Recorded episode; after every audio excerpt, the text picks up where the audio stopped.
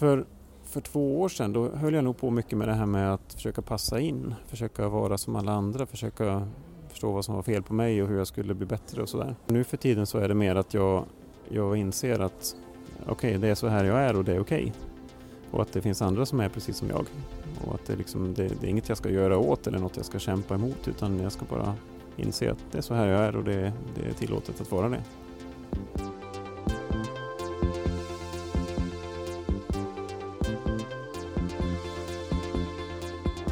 Du lyssnar på HSP-podden med Leverby och Klar. Välkomna till HSP-podden, podden som handlar om högkänslighet. Vi kommer att prata med författare, forskare, artister, konstnärer. Alla med en och samma gemensamma nämnare, att de är högkänsliga personer. Men först måste vi ju presentera oss. Jag heter Ida Leverby. Jag heter Matilda Klar. Vi är journalister och eh, vänner och vi måste också berätta för er lite grann hur vi är som personer. Och då tänkte jag att eh, det enklaste sättet är att vi vänder oss till stjärnorna. Såklart. Matilda, du är eh, lejon. Stämmer bra. Och jag har hittat en sida här, stjärntecken.se, där jag kan läsa lite grann om hur du är som person. Så att ni lyssnare också kan få en bild av Matilda Klar. Lejonet är den stolta, starka ledargestalten, symboliserar makt, kunglighet och dominans. Ni är passionerade, romantiska och älskar att bli bortskämda. Håller du med om det här? Ja, men några punkter håller jag nog med om, absolut. Jag känner mig ganska stark som person ändå, det måste jag ändå säga. Men jag gillar inte jättemycket att bli bortskämd det beror lite på vem det är, men jag kan bli ganska obekväm när jag blir bortskämd. Det står ju också här att eh, lejonet har en stor förmåga att ta hand om sina nära och kära. Och eh, ni kan visa generositet och kärlek och omtanke. Men, med ett visst eh, stort men här. Viljan att stå i centrum kan gå till överdrift. Då kan ni bli svartsjuka, arroganta eller visa småsinthet. Oj, oj, oj, det där lät ju inte som en bra egenskap alltså. Ehm, hoppas inte den stämmer in sådär klockrent på mig. Men eh, vi får se. Ni kanske kan avgöra, lyssnare där hemma efter några avsnitt här med HSB-podden. Se vad ni tycker. Men till Ida Leveby då. Hon är fisk och då har vi en formulering som jag tycker ändå stämmer in ganska bra. Vi får se vad Ida säger själv. Det som mer än något annat kännetecknar fisken är det inre känslolivet. Fisken är en skör varelse som står i nära kontakt med sina känslor. Det rika inre livet gör fisken väldigt mottaglig för andras känslor och åsikter. Ja, men jag skulle säga att det stämmer in perfekt på mig. Och jag vet när jag var yngre, tonåren sådär, och började läsa på om stjärntecken så kändes det som att jag var någonting på spåren. Att, aha, är det därför jag är som jag är? Är det för att jag är fisk? Och sen så hade jag en bästa vän som var född bara några dagar efter mig. Och hon var inte alls som jag. Så att någonting annat är det. Och nu har jag kommit på vad det är. Jag är ju högkänslig.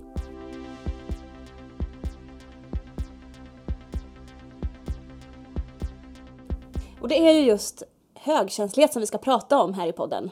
En liten brasklapp här. Eh, alla ni som redan vet och har koll på HSP, vad det är för någonting, ni som redan är frälsta. Vi kommer att grotta ner oss i hjärnforskning på detaljnivå. Vi kommer att ta det här ämnet vidare. Men först för er som är nya för ämnet eller som kanske behöver en liten upprepning så kommer jag läsa lite här nu från hemsidan hsperson.se. Eh, och det här är alltså en beskrivning av hur HSP, vad HSP är enligt forskningen. De icke högkänsliga individerna som utgör 80% av eh, befolkningen är impulsiva och vill ha snabba resultat. De kan dyka in i en aktivitet utan att tänka för mycket på om det kan vara farligt eller innebära risker. Deras strategi gör dem inte känsliga för vad som sker runt omkring. De lägger inte märke till särskilt mycket och behöver inte bry sig. De skyddar övriga flocken genom att gå till handling. De ger sig ut på fronten för att slåss och försvara sitt territorium mot inkräktare. Eh, och så nu då till de högkänsliga individerna som utgör 20% av befolkningen. De är inte ute efter samma snabba resultat eh, utan prioriterar att agera på ett riskfritt sätt. De är känsliga för allt som sker runt omkring.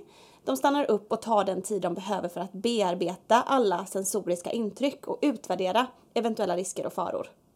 De skyddar övriga flocken genom att vara uppmärksamma. De lägger märke till sånt som andra inte noterar och kan på så sätt varna eh, för eventuella faror och risker. De stannar hemma och tar hand om, tar hand om flockens unga, gamla och sjuka. Ja.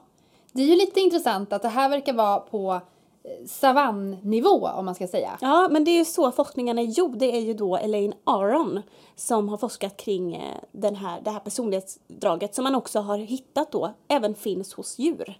Ja, därför att jag har läst att det finns eh, fiskar som, har, eh, som är hög, högkänsliga som håller sig ytterst i stimmet mm. för att ha koll på om det kommer en haj till exempel. Eller att hästar i flocken kan vara Eh, de högkänsliga är spejarna, för de håller alltid koll på eventuella faror.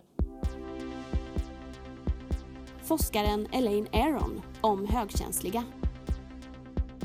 This trait is found in, in a minority of people, but a substantial minority, about 20%. And it's found in at least 100 species besides humans. And so we now know, you know, and this is new this idea of personalities within within a, a species that there could be two types rather than just one ideal you know we used to think in evolution that that everything is sort of merging towards the perfect animal in that particular environment but now we know that there often are two types that are that are there one is more numerous than the other always and the two strategies one is to be very responsive and pay careful attention to everything that's going on. And the other is not to bother. Du hörde Elaine Aron förklara högkänslighet, hämtat från Youtube. Väldigt intressant. Men eh, ska vi lämna djuren lite grann kanske och gå in på oss, på oss människor? Ta det på en ännu mer personlig nivå kanske. Hur yttrar sig högkänsligheten för dig Ida? Jag skulle säga att enklaste sättet att beskriva det på för mig är att jag känner väldigt mycket för allting nästan jämt. Och det går undan i känslolivet. Ena stunden så kan jag se en blomma och bli liksom lycklig på riktigt i själen. Och andra sekunden så hör jag en ambulans och då kan jag börja gråta för att då vet jag att någon annan mår dåligt. Liksom. Jag kan inte filtrera intryck. Jag tar in allt. Jag kan gå på restaurang och det här vet ju du, för ja, vi äter ja. ju lunch ofta. Vi kan ha ett samtal.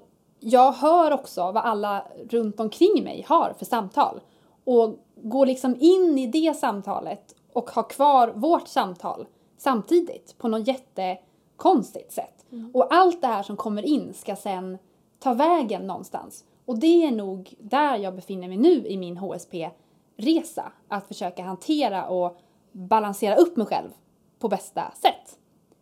Så där är jag. Mm. Och hur är det för dig att vara känslig Matilda? Jag är ju inte lika säker på att jag är högkänslig på samma sätt som du. Utan det här är något som jag hoppas på att vi kan ta reda på under den här resan med HSP-podden. Eh, men jag känner ändå igen mig väldigt mycket av eh, kriterierna för en högkänslig person för att vara det. Och ehm, en av punkterna är att eh, det här är taget också från hsperson.se. Som högkänslig har du också välutvecklad medkänsla och där känner jag igen mig väldigt mycket. Det finns ju en förening för det här eh, som eh, gör att många HSP-personer kommer samman i Sverige. Sveriges förening för högkänsliga. Vi har pratat med Tina Jönsson där. Hon är utbildningsansvarig och eh, också styrelsemedlem. Hon har gjort det till sitt mission kan man säga, att åka runt och föreläsa om det här och sprida kunskap och information. Och vi ska låta henne berätta lite vilka olika sätt det finns att vara HSP på, men också vad HSP inte är. För det verkar som att det finns vissa missuppfattningar om det. Och senare så ska vi också få lyssna på några andra medlemmar i föreningen som får berätta lite om eh, hur deras HSP fungerar. Men först Tina Jönsson.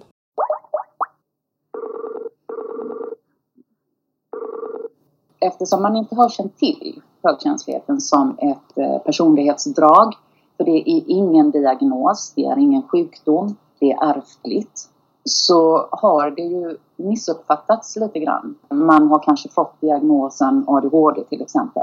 Det är många gånger så att en ADHD-person kan vara högkänslig också. Men ibland så kan det vara så att en ADHD-person är högkänslig och en väldigt extrovert högkänslig. Det finns ett begrepp som heter HSS, Highly Sensational Seeker. Och det är de som söker sensationer. Och det tenderar lite grann till ADHD-hållet. Att man är väldigt, väldigt aktiv och fylls av den här aktiviteten då så att säga, den spänningen som är då. Och är det en del inom HSP att man också kan vara HSS? SS. Jajamän. Och det kan också yttra sig då på olika sätt då, om du då är introvert eller om du är extrovert. Eh, det formar sig då i hur du agerar. Den introverta personen lägger det mer inåt i den här eh, adrenalinsökningen. Att man kanske har ett mer beteende mot sig själv som kanske inte är så gynnsamt alla gånger då. Och den extroverta gör det mer fysiskt i form av att man hittar på saker som, som är spännande då. Sen kan du också vara ambivert. Då är det lite grann att du, är, du har både den extroverta sidan och den introverta sidan. Jag är en ambivert person men jag har överslag av den extroverta sidan så att jag gillar att vara aktiv ute men jag har också mina dagar när jag bara vill stänga dörren om mig. Hur viktigt tycker du att det är att vi högkänsliga kommer samman och möter varandra? Ja, det är jätteviktigt att vi hittar eh, forum för att ventilera hur vi upplever våran vardag. Att vi hittar den här lilla familjen då som vi kan identifiera oss med. Eh, och det är ju faktiskt ett av föreningens arbete att skapa de här olika miljöerna, eh, tillfällena till att träffa likasinnade. En av de starka eh, inriktningen som vi har det är att sprida kunskap om högkänslighet. Att titta på forskningen. Hur, hur ser forskningen ut? Hur går det framåt vetenskapsmässigt eh, inom högkänslighet? Då? Så det är föreningens yttersta Eh, arbetsuppgift, det är att sprida kunskap. Det gör vi då genom att vi håller föreläsningar. Eh, blir man medlem i föreningen så har vi ju regionala möten som man kan anmäla sig till. Och det är väldigt många. Stockholm är jätteaktivt. Och det är väldigt många i Stockholmsgruppen då. Och där hittar man på intressanta, givande områden som stämmer in på vårt karaktärsdrag och som kan hjälpa oss att utveckla oss själva i högkänsligheten. Hur stor är föreningen idag? Med 550 medlemmar ungefär. Berätta lite, hur är det att vara ute på de här eh, föreläsningarna? Vad får du för eh, reaktioner? Jag får väldigt positiva reaktioner för de som inte har eh, kunskap eller de som inte har fått mycket kunskap om högkänsligheten får en direkt koppling till sig själva. Vilket skapar just den här aha-feelingen då. Att man kan identifiera sig. Så väldigt många går ifrån med en må bra-känsla. En lättnad skulle jag vilja säga. Så föreläsningarna och att vara ute är bara positivt för mig, för jag är en extrovert person då. Eh, hade jag varit en introvert person så kanske de här sammanhangen hade upplevts eh, eh dränerande eller jobbiga. För du är ju ute och far och flänger och träffar mycket människor och det blir mycket intryck. Men mycket skratt också. Jag var på en föreläsning ja. med dig, tror jag var i somras. Och det är ju någon slags kollektiv känsla av jaha. Ja, ja men precis så blir det. Så blir det. Och då blir det ju en, en gynnsam miljö där du får kunskapen till dig i de här sammanhangen det är väldigt få föreläsningar som jag har varit på där det har varit eh, tryckt stämning så att säga. Att det var, det var vid något tillfälle som det var en person som reagerade väldigt starkt. Alltså det blev en sorg för det lidandet som hon hade haft då. Det är ju sånt som kan uppstå också. Men i vår högkänslighet så kan vi ju anpassa oss till att ta emot den delen också. För vi är ju duktiga på att akklimatisera oss. Vi är väldigt flexibla som högkänsliga. Vi känner ju in var vi är och hur vi är och varför det är. Så att, eh, det är bara tillgångar skulle jag vilja säga att vara högkänslig.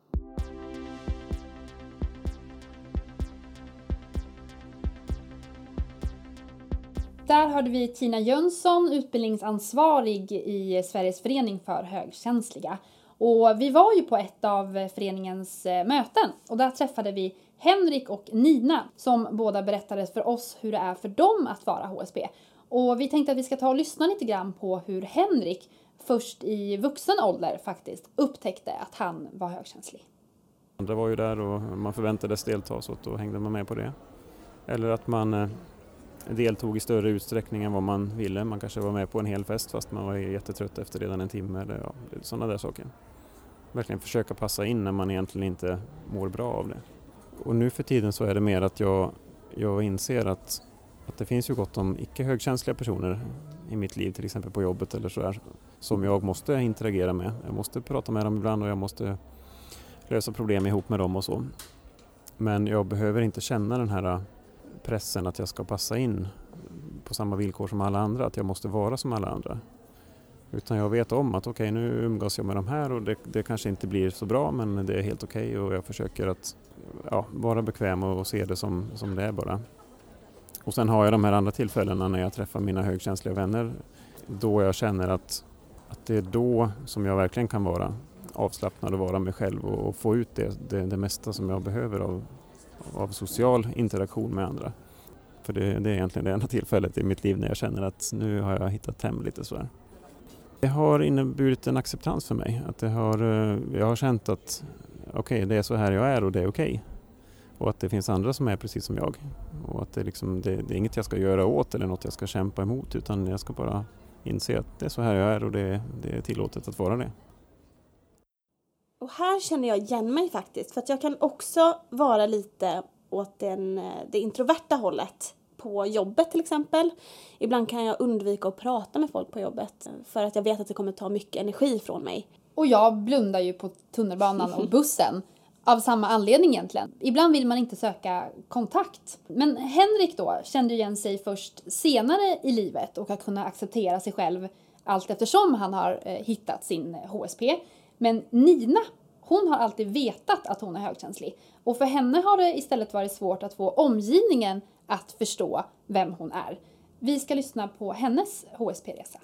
För mig har det varit eh, att mina känslor verkligen har varit så starka och att man ibland fastnar i dem. Att eh, om man är orolig till exempel så man hittar inte ut från oron, man blir nästan paralyserad av känslorna. Det har varit genom hela mitt liv. Och det är ju jättejobbigt för man kan ju inte bara vara orolig, liksom lägga sig ner och bara känna oro. Det fungerar ju inte, man fungerar ju inte i livet. Så det har varit mitt kännetecken att jag har varit jag vet inte vad, det, det bara finns där. Jag är sån här och jag har väl accepterat det på något sätt.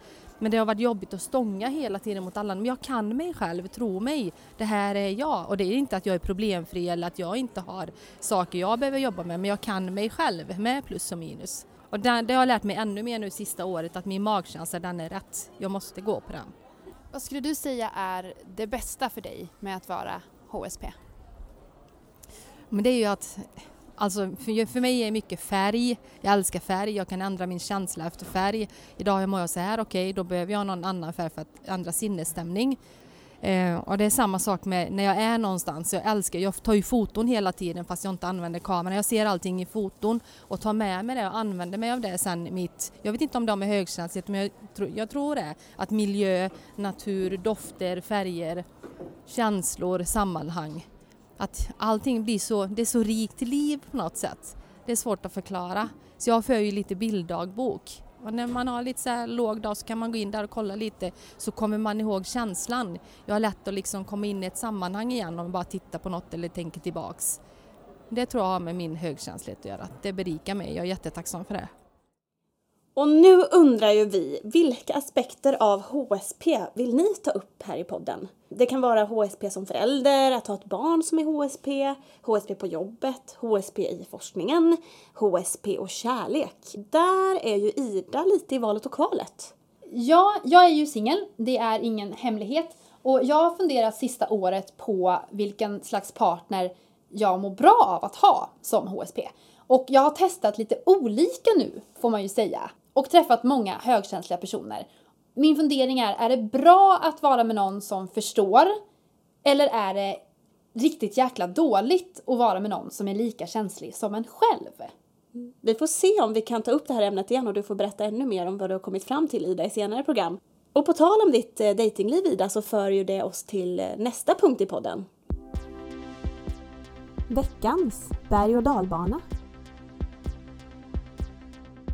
Där är det då tänkt att jag ska berätta om min senaste kris eh, som HSP, som vi kallar då veckans berg och dalbana, för det är precis så det upplevs för mig. Och jag tänkte att det är lika bra att jag delar med mig av det här till lyssnarna, för några av er kanske känner igen er, hur det är att vara upp och ner ganska ofta, nästan hela tiden. Min sista grej som jag eh, delade med mig av till dig Matilda handlade ju om eh, dating just den här gången. Jag eh, träffade en kille på en dejt, vi hade trevligt, jag blev positivt överraskad. Vi ringde i telefonen och sådär och hade videosamtal och allting gick jättebra och det kändes liksom, ja men det kändes eh, skönt sådär. Och sen så var det någonting som hände. Jag kände att jag blev kanske lite kort i tonen och jag kände att han reagerade på det och jag fick en ögonbrynshöjning. Han höjde ögonbrynet och sen la vi på. Jag kunde inte sova på hela natten. För jag låg uppe och funderade på vad betydde ögonbrynshöjningen? Vad menade han med det här? Så jag sprang till dig på morgonen. Vad betyder detta? Men vad är statusen nu då? Ja, som med allting annat egentligen så försöker jag tänka nu att när det liksom känns som att allting bara går käpprätt, rakt utför. Man sitter på balder och bara nu åker det rakt ner, magen bara är totalt i uppror. Jag ger det några dagar, det går igenom systemet, sen är det bra. Det visade sig att han typ var trött och han tyckte nog att jag hade varit lite kort i tonen. Så att han reagerade på mig och då reagerade jag på honom. Vilket ju är ett jättebra exempel på hur man tar in allting som HSP. Men nu är det typ lugnt. Men så nu väntar jag ju bara på nästa kris. Vi får se vad du kommer att säga imorgon då om det här Ida. Ja, någonting blir det säkert. Någon som är känslig, men som inte verkar krisa lika mycket som jag i alla fall, är Bertil Monegrim, Matilda. Ja, han är 80 år gammal och har skrivit insändare i ett antal år nu. 50 000 har det blivit. Över 50 000. Och och jag, eller vi, tycker att han sätter fingret på någonting i sina dikter som han brukar skicka till landets tidningar. För att han har en blick för detaljer. Och i en detalj så kommer det väldigt mycket känslor till honom och det lyser igenom i hans dikt. Och därför ska vi läsa en dikt här nu. Se dig omkring. Någon kanske behöver dig just nu. Kanske skuggorna i livet gör att glädjen har försvunnit och tankarna att varför lever jag kommer. Man känner sig inte betydelsefull därför att molnen skymmer solen. För dig som känner så, håll ut. För ljuset kommer tillbaka och även glädjen och då kan du skratta och känna att det är skönt att leva igen. Det får avsluta det här avsnittet, men vi är tillbaka om två veckor igen. Tills dess hittar ni oss på leverbyochklar.wordpress.com och på Facebook, där heter vi HSP-podden med Leverby och Klar. I nästa avsnitt träffar vi Maggan Hägglund, en av författarna till alla starksköras självhjälpsbok Drunkna inte i dina känslor. När vi var på bokmässan så kom det någon tjej som sa ja men jag har redan boken men jag vill bara komma för, för jag måste få krama er för ni har räddat mitt liv.